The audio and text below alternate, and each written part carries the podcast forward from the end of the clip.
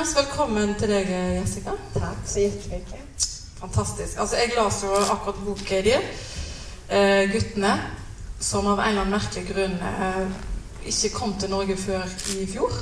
Nej, det stämmer. Jag Men, fick, jag eh, fick bearbeta det lite innan. Ja, mens han kom ut i Sverige i 2018. Nej, typ. Nei, i 2011. Just precis. Eh, fortell, Hvorfor tror du det tok så lang tid før han kom til Norge? Ja, för då, jag skyller nog på förlagen och eh, liksom sådär, de som jobbar med att sälja böcker.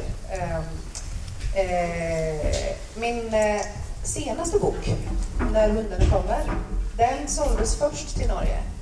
Ehm, och så tror jag att det var så att jag övertalade min förläggare att hon skulle ge ut pojkarna också. Är det, vad vill du göra? Ikke tafsing her nå. Det blir veldig feil. Nej. Nej. Jag tror inte den är på mute. Men det hörs eh, för lite, eller? Lite närmare. Då blir det mera andning och mera ljud. Då får ni stå ut. pust. Lite mera pust och lite mera spännande. Vi provar. Bättre? Ja. Ja, bra. Så ska jag höja rösten också. Ja. Eh, ja, men jag tror det var så att jag satt med min norska förläggare i solen på Lillehammer bokfestival. Och så sa jag, ska du inte ge ut eh, Gutterna också? Och så till slut ja, jag gör väl det då. Ehm, och så blev det bestämt. Och så blev det jättebra. Ja, jättebra. Eh, fortell litt om sjøl. De fleste kjenner vel eh, sikkert deg, eh, Jessica. Eh, tror jeg. Men fortell litt. Jeg vet at du har skrevet bøker, fått priser. Og forresten må jeg si at den norske versjonen, det var du som sa, har vunnet pris for både omslag og oms omsetning. For, forstår alle hva jeg sier, forresten? For jeg kommer fra Hardanger. Det, er- men det viktigste er at du forstår meg. Ja, Men jag stäm- förstår. Ja. Har vunnet altså pris for eh, omsetning og omslag, og det er ganske bra. Det er eh, Nå skal jeg si hvem som har omsatt til norsk òg. Line Almheiel. Heter det. Men du, fortell litt. Hvorfor skriver du eh, bøker, når du tross alt brukte ti år på de første bok? Ja, jag tar... Alltså jag tar ju minst tio år på mig för varje bok. Ja. Ehm, och då är det en eh, sex, åtta års tankeverksamhet. Anteckningar, funderingar, research, alltså i som att jag registrerar, jag hör folk prata om saker, tänker varför gör vi så här mot varandra? Och sen så eh, bestämmer jag mig väl förr eller senare för att jag ska skriva just den boken som handlar om de sakerna. Och då håller jag på i eh, mellan två och fyra år med själva textarbetet. Liksom. Så jag är väldigt, väldigt, väldigt långsam. Eh, och har ofta tänkt att jag borde bli snabbare. Jag borde bli hurtigare, effektivare. Hvorfor det? Jag, jag, för att jag tänker att det skulle vara bra att ge ut fler böcker. Økonomisk sett? Ja, ekonomiskt sett och att eh, mina, om jag nu då skriver för unga så växer ju mina läsare, man kan tänka att de växer ifrån mig. Liksom. Men det där är gamla tankar. Jag tänker inte så längre. Jag skiter fullständigt i det Bra. nu. Ehm, för det tar den tid det tar. Eh, och jag försöker, så gott jag kan, så försöker jag tänka att jag ska inte skriva sånt som folk vill läsa. Jag ska jobba för att folk ska vilja läsa det som jag skriver. Mm. Liksom. Ehm, och det jag får ju jag får ju vara sträng mot mig själv där, för man vill bli älskad, man vill bli läst, man vill få pengar. Alltså så här. Men i grund och botten så har jag en lärarutbildning. Och jag tänker att Alle, alle kreative folk har en lærerutbildning. det hänger ihop. Alltså, Ja. Att vilja förmedla någonting till någon annan. Jag vill ju förmedla tankar och känslor med min litteratur. Och, och när jag jobbar som lärare, vilket jag gör då och då, alltså på skrivarlinjer och så, då vill jag ju samma sak. Mm. Jag vill ju så få någon att förstå någonting som jag har tänkt på. Liksom. Så jag tänker att det verkligen hänger ihop.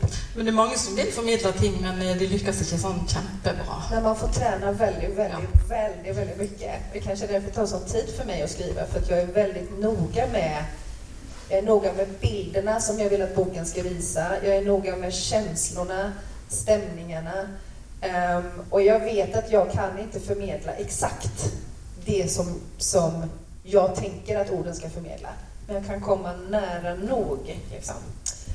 Um, det funkar bra för dig. Du har vunnit två Augustpriser. Det är det det, ganska... På så sätt så har det funkat bra. Sen att jag fortfarande har en fruktansvärd prestationsångest och är väldigt självkritisk och, och, tycker själv medan jag arbetar med texten att den är skit. Oh. Det vet jag inte om jag någonsin blir av med. Men jag ser i efterhand kan jag se att det blev bra. Så, så, så snäll kan jag vara mot mig själv i alla fall. Men för att svara på frågan, jag har inte alltid velat bli författare. Jag trodde att jag skulle bli fotograf när jag var i 20-årsåldern. Och ett ganska osäkert yrke. Ja, också ett ganska osäkert yrke. Um, jag hade kommit in på någon fotoskola, visste inte riktigt vad jag skulle göra och via en svensklärare på Göteborgs universitet som läste en, en novell som vi skrev på den kursen som jag gick där, så blev jag upplyst om att jag borde bli författare. Och det var så det gick till. Hon sa, mm. du är begåvad. Sök skrivarlinje på folkhögskolan. Mm. Va? sa jag. Vadå? Vadå författare? Um, och sen gjorde jag det och hittade hem, upplevde jag. Och insåg att jag var beredd att lägga enormt mycket tid och energi och slit mm. på att bli bra på att berätta. Och insåg också att det jag ville göra med kameran som fotograf, det kunde jag även göra med språket. Mm. Så önskan var densamma. Det var bara liksom verktyget som jag bytte ut. Da ser du viktigheten i en kampanje som har hatt i Norge, i hvert fall kanskje i alle skandinaviske land, som heter Den ene. Aha. At uh, mennesker i en viss alder møter det ene mennesket som har tro, och som kanske hjälper dem i den riktiga. Och det kan räcka med så jäkla lite. Lite ja. möte. Precis så var det för mig. Precis så är det. Magisk. Mm, ganska magisk.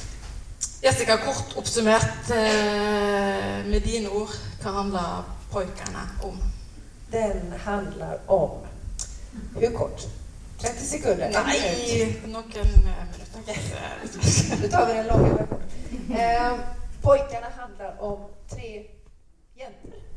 Gutterna handlar om tre jäntor. Eh, Kim, Bella och Momo. Eh, och de vill inte bli vuxna. De tycker att de eh, kvinnoroller som de ser i samhället, de är trånga, de är begränsade. Mm. De eh, upplever en ganska ful sexism i högstadiekorridorerna och eh, har maskerader om kvällarna för att få leka att de är något som inte finns. Alltså något, något som är magiskt, något som inte är realistiskt. Liksom. Och Bella, hon har ett växthus och dit kommer det en drivhus. dag ett, drivhus. Dit kommer det en dag ett frö som ingen vet var det kommer ifrån. De planterar detta och det växer upp till en fantastisk blomma. Och en kväll när de har en maskerad får de för sig att om man smakar på nektarn från blomman så händer det något magiskt. Bara på lek, bara på skoj. Men de provar och det visar sig att det händer faktiskt något magiskt för att de förvandlas till gutter istället för. Det känns fantastiskt. Och sen så händer det ju sjukt mycket andra saker, men jag kanske ska, det kanske jag ska lämna. Är det många som har läst boken? Så här okay. ja. Okej. Okay. Men vi ska... De som ikke har lest boken, føle seg litt dumme. Vi ska inte spoila resten då kanske? Nej, Nej jag måste spoila. Eller? Ja. De flesta ska säkert se filmen etterpå. Ja, det är sant. Men den är lite ganska annorlunda än boken Ja, det kan vi komma tillbaka till. Jeg elsker den boken. Altså, jeg leste den eh, min, min bok, eh, ja, men min bok er full av eh, slev og kaffe og ja, altså en ettåring og en treåring hjemme. Så. Men det altså, er en fantastisk bok, og um, jeg gikk og tenkte på boken masse etter jeg hadde lest den, og da syns jeg det ja, veldig sånn god kvalitet. Og selv om jeg er 42 år snart, og kanskje ikke i målgruppa, så traff han helt sinnssykt. Men du sier at du skriver ikke bøker for barn, men for alle som er unge og har vært unge. Så jeg, jeg er vel målgruppa på en måte. Absolut, du er så mye målgrupp. Ja, takk. Um, ja. Men altså, du skriver om For å komme litt på, inn på uh, tema for uh, konferansen her. Altså, hva begrensninger mm. fins det for, uh, for karakterene i boken? Disse tre mm. jentene som er 14 år eh, begynner å bli kvinner. Eh, Och varför skrev du om dessa tre? Att de fick eh, bli förvandlade om gutter? Ja, det finns så många anledningar. Um, och nu är det ju över tio år sedan som jag började med boken. Um, och över 15 år sedan som jag började tänka på boken. Så det är, väldigt, det är svårt att säga, men jag vet ju några stora saker. Eh, jag behövde göra upp med min egen högstadietid. Högstadietid? Jag, högstadietid, åren när jag gick i skolan, ja. eh, när jag var 13, 14, 15. Mm. Mm. Um, jag bodde i en liten stad um, där det inte, det var 90-tal. Um, ehm, det är länge sedan. Jag kan inte svara jag på... Jag huskar 90-talet. Ja, ja, jag minns också 90-talet väldigt väl. Um, jag kan inte svara på hur det ser ut idag, men, men den sexismen, mm. den är eh, väldigt tagen från mina egna minnen och vad jag själv såg och vad jag såg andra bli utsatta för och så vidare. Och jag kom till en punkt när, jag, när det stod klart för mig att det var inte mitt fel. Det var inte mig det var fel på. Um, vems fel var det? Det kan man kanske inte riktigt svara på, men det var någonstans så var det en vuxenvärld som inte gjorde sitt jobb, tyckte jag, när jag själv blev vuxen. Um, och för mig så var det, uh, jag, jag, jag förlät mitt unga jag, jag förlät henne, hennes skam, jag gjorde henne skamfri, liksom. Um, och det var fantastiskt. Och jag hade också ett gäng tjejer omkring mig, ett, ett gäng med, med jäntor som jag gjorde en, eh, en litteraturtidskrift ihop med. Ja, och fantasi. För, fantasi ja. den, ja. Um, och för mig så var vi, vi var fyra stycken, men för mig så var vi, vi var Kim, Bella och Momo. Det var vi mot världen och det var vi mot alla gamla tidskrifter som inte ville publicera våra texter och det var vi mot förlagen och det var vi mot liksom mot patriarkatet, det var vi mot sexismen och vi hittade så mycket kraft i varann. Liksom. Så där kom en önskan om att skriva om, jag upplevde att jag förvandlades tillsammans med dem. Det gjorde jag verkligen. Jag, jag, det hände någonting med mig som var väldigt, väldigt viktigt i deras sällskap liksom, och i det vi gjorde tillsammans. Och sen så, jag skrev över hundra sidor innan jag visste att jag skulle skriva om jäntor som förvandlades till gutter. Är det sant? Jag försökte skriva en superhjältehistoria. Jag ville att Kim, Bella och Momo skulle få superkrafter. En, en dörr ut ur den här vardagsverkligheten som, där de inte hade någon makt. Liksom. Men jag visste inte vad de skulle bli för superhjältar eller vad de skulle ha för krafter eller vad de skulle göra med dem. Men någonstans där på vägen, så Kim, huvudpersonen, hon upplever ju att gutterna har makten. Ja. Och någonstans så slog tanken mig, för henne så är ju pojkkroppen, guttekroppen, det är ju en, en maktkropp, en starkare kropp, en superkropp liksom. Vad skulle hända om jag lät jäntorna få den kroppen som superhjältekropp? Och då tänkte jag, jävlar, de kommer slå ihjäl mig om jag skriver den här boken. För det är ju känsligt liksom. Va? Mm. Och folk kan bli väldigt provocerade. Varför tror du folk kan bli provocerade? Ja, alltså, för att vi inte pratar om det tror jag. Mm. Och nu pratar vi mycket mer om det. Nu har det gått uppåt alltså, åtta år sedan den här boken kom i Sverige. Och under de åren så har debatten ändrats väldigt mycket. Så att vi pratar mycket mer om det nu. Men, men 2010, 2009 när jag skrev som mest, då var det fortfarande inte mm. alls så öppet. För metoo och för... Ja, långt före metoo. Kanske därför Norge var lite treg med att ge ut boken. Möjligt. Men jag tror att man blir provocerad just mm. för att det är någonting som vi är ovana att prata om. Vi är ovana att lyfta upp det i ljuset liksom. Um, och sen så det här med blomman och alltihopa, det är en helt egen historia. För jag mötte vissa människor där under en viss tid i livet som, du vet, du vet man kan inte glömma vissa människor. Som hade botaniska ja, jag fick, träffa, jag fick träffa en kvinna uppe i, i Jokkmokk. I Jokkmokk? Jokkmokk, norra, norra Sverige. Där driver de på med ja. plantor. det var det som var grejen. Hon hade ett drivhus där det växte saker som absolut inte kan växa där. Helt omöjligt. Men hon, hon var så duktig ja. med plantor. Så hon lyckades odla med rosor, alltså omöjliga växter där uppe. Så här är det engagemanget på dig. Det är gröna fingrar. Har du gröna fingrar? Nej, verkligen. Allt, Nej. allt dör. All, alla växter dör Ja. i min vård. Så Ja. därför var det också väldigt härligt att skriva om Bella som kunde liksom omvårda och driva upp de här. För jag är helt hopplös alltså. Det, bara, det blir bara aska. Men du, er det litt ironisk at når tre jenter skal få superkrefter, eller bli superhelter, så blir de gutter? Altså, de kunne jo flydd eller eh, blitt usynlige, eller eh, Men du mener at å bli mann eller gutt er en slags superkraft? Jag- Ikke du, men Ja, det, Jag, det jag, kanskje menar, jag menar att ur det perspektivet, ur den situationen som en, en, en flicka som inte, vill, som inte vill spela spelet i skolan. Alltså en flicka som inte vill gå in i de färdiga rollerna. Ur det perspektivet så kan det motsatta könets kropp upplevas som en maktkropp. Sen tycker jag att boken ganska mycket handlar om det sen. Vilken typ av makt är det pojkkroppen för med sig? Är det en makt man vill ha? Är det överhuvudtaget en makt? Eller är det kanske lika mycket en väldigt begränsad tillvaro? Liksom? Ehm, Med din erfaring under å skrive om dette, og jeg vet jo at du har hatt samtaler med ungdommer, er det begrensa Er det et mer begrensa liv for unge jenter, eller er det et mer begrensa liv for unge gutter?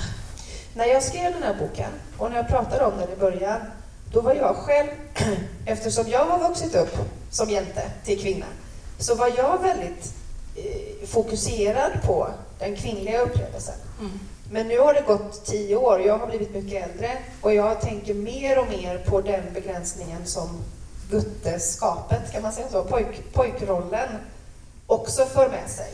Ehm, när män ska växa upp, vad de får lov att vara och inte vara. Mm. Det är någonting som, om det är någonting vi behöver prata om nu, så är det det, tycker jag. Men det får någon annan skriva om, för den erfarenheten har jag inte gjort. Nej. den kan jag inte, den, den kan, vill inte jag ta mig an. Men jeg er glad du skrev om jenter som ble til gutter. Vad sa du? Jeg er glad for at du skrev om jenter som ble til gutter. Og Ja, det är jag också väldigt glad att jag gjorde. friheten de opplevde. For det er jo noe som eh, i hvert fall jeg kan identifisere meg med. Og jeg tror eh, de fleste har kanskje drømt om å skifte liksom, kjønn for en periode. Eller er det noen, er det bare meg, eller er det flere som skulle likt å skifte kjønn for en periode? Sant? Det er noe fascinerende med å bare ha en annen kropp. Mm. Og jeg husker allerede som eh, barn altså nå, at nå er jeg eh, lesbisk, men det har ikke bare med at jeg ville være gutt, men jeg bare syns det virker så fritt å være en gutt. Altså Du er fysisk sterk, og du kunne gjøre veldig mange ting som jenter på en måte ikke fikk gjøre. Og det var jo nettopp det spelet som en føltes eh, litt falskt. da. Det är exakt det som jag vill att först och främst Kim i boken ska få lov att göra upp med och kanske också bli fri från mot slutet, lite grann, Mm. kan jag tycka att boken öppnar för. Att, att hon lägger, så gott det går, så lägger hon av sig det som kroppen för med sig. Mm. Och så är hon Kim, så är hon mänske, liksom. Og det er vel det som er målet. Vi har jo alle vært 14-15-16 år og syntes det var ganske grusomt å finne ut eh, hvem vi var. Og så finner en jo på en måte litt ut hvem vi er, selv om en ikke blir klokere av det nødvendigvis. Så får en vel en slags kanskje ro i eget, sin egen drakt. da. Men det jeg lurte på, var eh, litt sånn leserreaksjoner, eller hva folk har tenkt når de har lest eh, bøkene. For at du skriver om dette, og det er vanskelig å ikke komme inn på likestilling når en leser den boken. Vad betyder likeställning på norska? Jämställdhet? Ja. Ja, Jämställdhet, ja. Er det det heter på svensk? jämställdhet. Jämställdhet. Det er vanskelig ikke å tenke på jämställdhet. Men var det din intensjon? Å være litt sånn um, Kjempe en sak for kvinner og seksuell trakassering og Ja, alltså intentionen för mig var personlig. Från att jag ville, jag ville skriva ur mig den begränsade unga identiteten. Jag ville skriva den ut ur kroppen, Mm. ner på pappret, för att få syn på den. För så gör jag ganska mycket när jag skriver överhuvudtaget. Både sånt som blir publicerat och även i mina privata dagböcker. Jag skriver för att få syn på saker. få syn på. Att, få, få, få, um, att kunna titta på dem, att se Ja, dem. perspektiv. Perspektiv på Mm. saker, precis. Ehm, så intentionen var mycket från början att få syn på vad gjorde de här åren när jag var 13, 14, 15, 16, puberteten, jag växte upp, jag blev en sexuell varelse. Vad gjorde de här åren med mig? Mm. Så, det var viktigt, det var en intention. Men jag tycker att citatet som boken inleds med är också väldigt, väldigt viktigt. Kan du läsa det? För jag är inte så jättebra på att läsa på norska. Ikke jeg heller. Det börjar med det här. Det kan du få läsa, för det tycker jag är viktigt. Den eneste virkelige reisen ville ikke være å reise til nye landskap, men å ha andre øyne. Det tycker jag, det var verkligen min intention. Att det är blicken på din omgivning. Mm. Det är blicken på mig. Du tittar på mig. Jag har en kvinnokropp. Och du bestämmer dig genast, utan att tänka på det, för tusen saker Mm. som jag kan vara. Och sen kan jag förvåna dig genom att vara annorlunda. Jeg tror f.eks. du drikker kaffe før du eter mat om morgenen. Hur fan visste du det? Ja, det gör jag. Du dricker kaffe, så röker jag en cigarett, men det borde jag inte. Ehm, Og så mat. och sen äter jag. Det visste du om mig. Det var ju oerhört märkligt. Ehm, och nu hade det kunnat vara tvärtom, va? Jag hade kunnat äta frukost först och sen dricka mitt kaffe. Och då hade jag berättat det för dig. Och då hade du antingen kunnat säga Nej, det gör du inte. Det vet jag, för jag ser på dig hur du är. Eller så hade du kunnat säga Jaha. Alltså, du möter en kropp. I kroppen finns en person. Ehm, och vi är väldigt, väldigt bra på att bestämma vem personen får vara. Mm. För att vi ser en kropp som för med sig så otroligt mycket fördomar, könsroller, vanföreställningar. Og det er så frustrerende. Vi er så begrensa på Det är, det. det är väldigt, väldigt frustrerande. Men jag måste ändå säga att jag tycker att det har hänt en hel del sedan boken kom ut Mm. i Sverige. Och det har verkligen hänt. Men hva har hendt jättemycket eh, siden 2011? For det har jo skjedd masse i Norge òg. Er det forskjeller på Norge og Sverige da, tror du? Hva har hänt i Sverige? inte. Så- Alltså jag, kan inte, alltså jag tycker att samtalet låter helt annorlunda. Samtalet om, eh, samtalet om könsbegränsningar. Är, det, vi pratar mera om det helt enkelt. Och det gör också att det blir mindre dramatiskt, det blir mindre stigmatiserat. Ehm, sen kan det också vara så att jag har blivit äldre och tryggare i mig själv under de tio åren också. Vilket ju såklart också påverkar hur jag, vad jag hör och inte hör i, i samhällssamtalet. Liksom. Men intentionen, för att komma tillbaka till Mm. frågan, det var just att undersöka vad vi får lov att vara beroende på vilken kropp vi bär. Om kroppen var ett klädesplagg, om Mm. kroppen var en, en rock som jag tar på mig och så skulle jag kunna nästa dag ta en annan kropp. Hur skulle jag bli bemött då? Alltså den typen av experiment vill jag. Og det Sysler så med. spennende som menneske hvor masse en kan eksperimentere. Husker jeg var jo veldig androgyn punker en gang. Veldig sånn tynn androgyn. Når jeg gikk inn på jentedo, så kom alltid eh, eldre damer inn og bare Åh, trodde de hadde gått feil. Så jeg gjorde et eksperiment eh, i London. Eh, jeg, jeg hadde litt tråd, så jeg tok kl- rosa klemme og la panneluggen Ah, litt ned sånn. Og tok en BH og pushe opp de små puppene jeg hadde. Tok på meg rosa bluse, stram buksa. Og liksom på en måte kledde meg litt mer sånn feminint og som en jente, en sånn dame, da. Og gikk ned gjennom i Londons gater og fikk en helt annen opplevelse. Det är precis En det som intresserar mig. Ja. Og det er så fascinerende. Men dette er jo eh, egentlig rart at ikke vi tuller litt mer med de eh, tingene ellers òg. At ikke alle bare har lyst til å kle seg litt ut. Du ikke jeg? Jag, tänker, jag har samma känsla inför ålder. Ja, Alltså att ibland så känner jag mig som att jag är 12. men det er noen som kler seg ut som de er 16 og de er 70. Det er òg spesielt å se på. Eh, Jeg møtte Scorpions i Tyskland en gang, og de så like ut nå som de gjorde. Heja, säger jag. Scorpions, ja, det er greit. Det är grejt. Alt man vil ha. Det är grejt. Ehm, men det er nettopp da, Har du gjort deg noen tanke om hvordan kan vi øve oss på å møte mennesker som mennesker, og ikke som gutt eller jente eller eh, dressmann eller eh, bunad? Ja, jag har ju övat mig genom att skriva den här boken.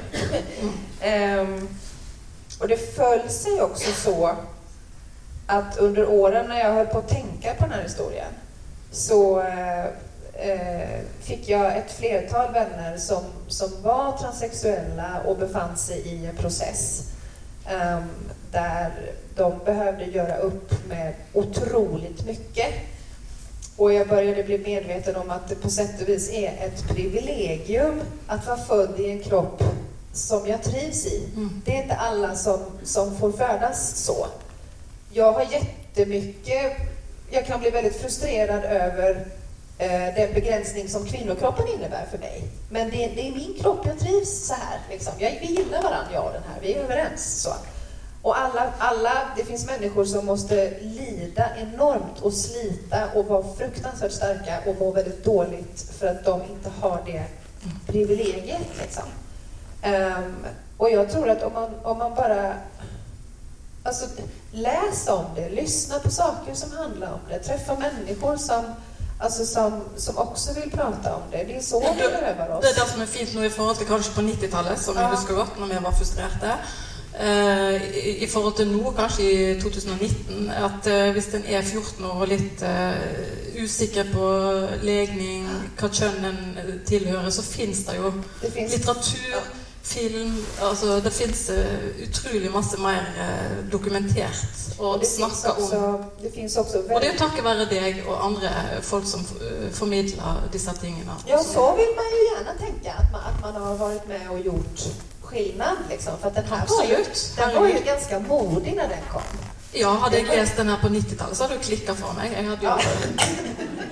jeg hadde jo Ja, blitt det helt kan jag. Ehm, och den har också, det- om man tänker på läsarreaktioner, så är det... Jag har, jag har fått två, få, det finns två tydliga linjer eh, från unga läsare. Det ena är, ehm, det är precis så här det är. Ja. Det är precis så här det är. Och, men den andra är faktiskt, så här är det fan inte alls. Och det gillar jag. Alltså, det gör ju att du genom att läsa boken så kan du reflektera över din egen verklighet. Känner jag igen det här? Känner jag inte igen det här?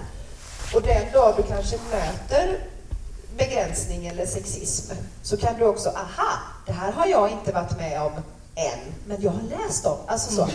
Och det gillar jag. Ehm, sen så vuxna kan ju få spel av den här boken. Den läses i skolor. Kan få spel. De kan bli galna och skitarga. Ja, nettopp. Eh, vuxna som eh, står nära unga som läser boken. Ehm, De blir provosert. de kan bli, de, det har, varit, har blivit riktiga drev på några ställen där man har valt att läsa boken i skolan. På skolor där det har funnits ett reellt problem med sexism. Till exempel. Man väljer att läsa boken för att ha ett underlag för att diskutera viktiga frågor. Ja. Jättebra! Mm. Det är väl så vi ska använda litteraturen. Absolutt. Och sen har boken då följt med barnen hem. Föräldrarna har tittat i boken och blivit enormt upprörda och sagt det här får inte våra barn läsa. Men inte för det som jag trodde skulle provocera. Alltså det här med, med, med könsroller och könsmaktsordning och så. Utan ett, det förekommer en pistol. Två, det förekommer att de röker hasch. Det är liksom... Og det bitte litt puling. Och de knullar lite. Det bitte litt puling, det kan avsløre. Men de reaktionerna har jag ju aldrig någonsin fått från en ung läsare. Så det är ju ganska Nej. intressant att se. Alltså, Men en ung leser vil vel ikke reagere på litt puling hasj og jag reagerar väl snarare att det är lite spännande. Är Ja. lite nyfiken kanske. Ja. Men det er på en måte kanskje litt eh, positivt, da. At de voksne reagerer mer på hasjen enn på kjønnsskifte. Det gör du faktiskt rätt i. Det har jag inte tänkt på. Det är ju helt sant. Det är ju skitbra. Da har vi jo kommet et lite Då har man kommit lite vidare. Ja. Skal vi se. Ja, vi har litt tid igjen. Um, eh, skulle si. Eh, hva var det jeg tenkte på? Ja, det var det jeg lurte på. Om du har jo fått eh, Når du har skrevet den boka her, kanskje i 2011 mer, at folk fikk en litt sånn her aha-opplevelse når de las den. Tror du det er mer enn de har fått eh, nå? Altså både unge og voksne. Nu, nu förstår jag. Det här kommer ta en till. At den boka her, Ja. at det kan oppleves som de som leser den, har fått en litt sånn aha-opplevelse av at oi, kvinner eller jenter 14 år føler seg krenka, føler seg eh, lite fri, Mm. føler at det, finnes begrensninger. når de leste den i 2011. Ja. Ehm, men føler at det da har endret seg òg, nå i 2019. ja. At det er mindre aha-opplevelse. Jag tror, I- alltså, jag tror tyvärr inte att det är mindre aha-upplevelser. Ehm, men däremot så tror jag att, att boken eh, är en röst bland andra röster nu som talar om, som talar om det, som Mm. pratar om det. Liksom. Ehm, så jag tror tyvärr att aha-upplevelsen, alltså för oss, för oss som var unga för lite längre tid sedan, för oss är ju sjätte ju sjätte, alltså det är det är otroligt många faktiskt eh, läsare som har hört av sig som är i 60-70 års åldern. Mm. Kvinnor som, som ju upplever en enorm igenkänning. Liksom.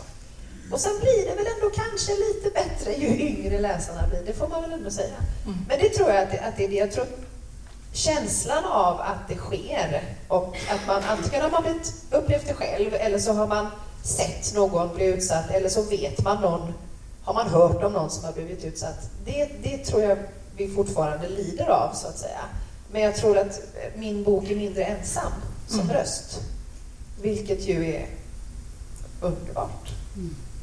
For til slutt, Hva tenkte du når den der hele metoo-kampanjen eh, kom? Hva tenkte du om den? For det jo veldig det som er tema i den boka. Jag tänkte det var på tiden. Ja. Och det var ju väldigt många som tänkte det. Ehm, för jag, jag vet inte, jag har alltid mått mycket bättre av att tala öppet om allt som jag tycker är svårt, än att inte tala om det.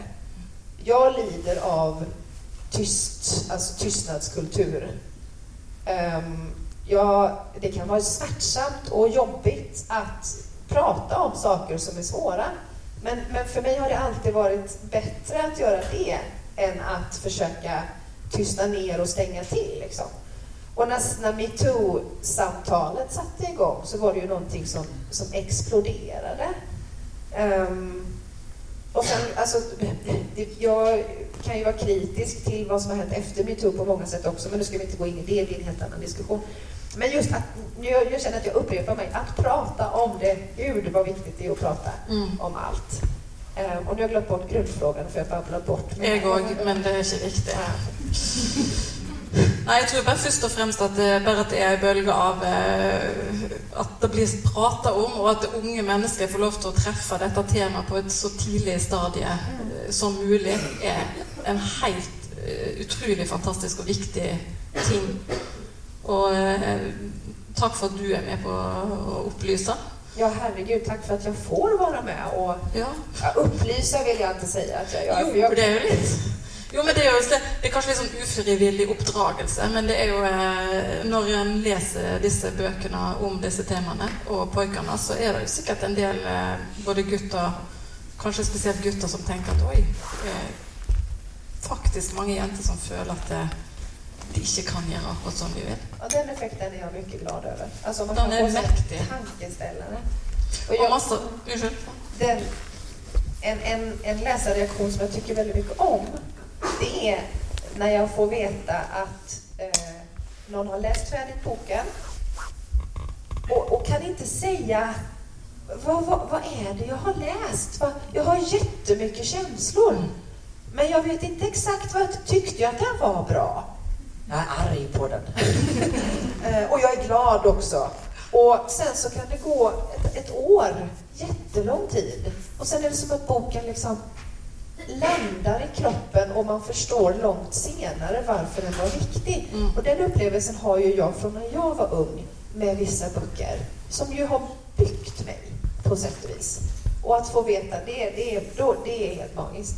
Och sen måste jag också berätta att jag har fått brev, några brev har jag fått från unga transpersoner som har berättat att de har, de har stått på gränsen till att ta sitt liv. Och sen har de fått min bok genom någon eller fått tag på den. Och så har de istället valt att komma ut som transpersoner.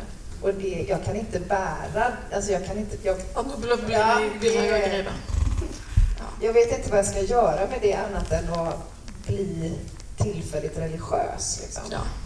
Och, det, och för där... Nu, Ja, nu tar är jag över här så helt Ja, jag tar över. Men för där kände jag något, jag är inte religiös, jag har ingen, jag har ingen religion. Men däremot så tror jag så himla mycket på litteraturens Mm. kraft att trösta och stötta och få människor att kunna identifiera sig med någon som är något helt annorlunda än vad man själv är. Det är nog det som jag känner är mitt fucking uppdrag. Alltså det är därför jag, det är det jag vill. Då ska alla inte säga halleluja, men klappa lite.